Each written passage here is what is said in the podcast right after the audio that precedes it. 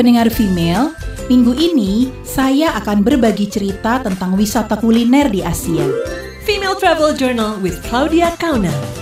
Hai pendengar female, Thailand terutama di Bangkok rasanya paling tepat buat kita yang suka kulineran. Karena makanan di Bangkok ini enak-enak, bervariasi, cocok banget buat lidah kita, dan makanan halal juga gampang ditemukan.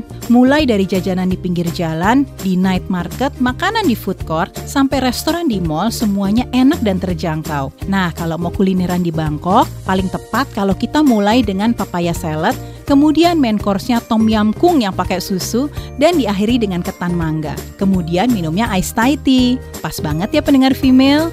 Tunggu ya Female Travel Journal selanjutnya dan Anda juga bisa mendengar ulasan lengkapnya di femaleradio.co.id. Female Travel Journal with Claudia Kauna.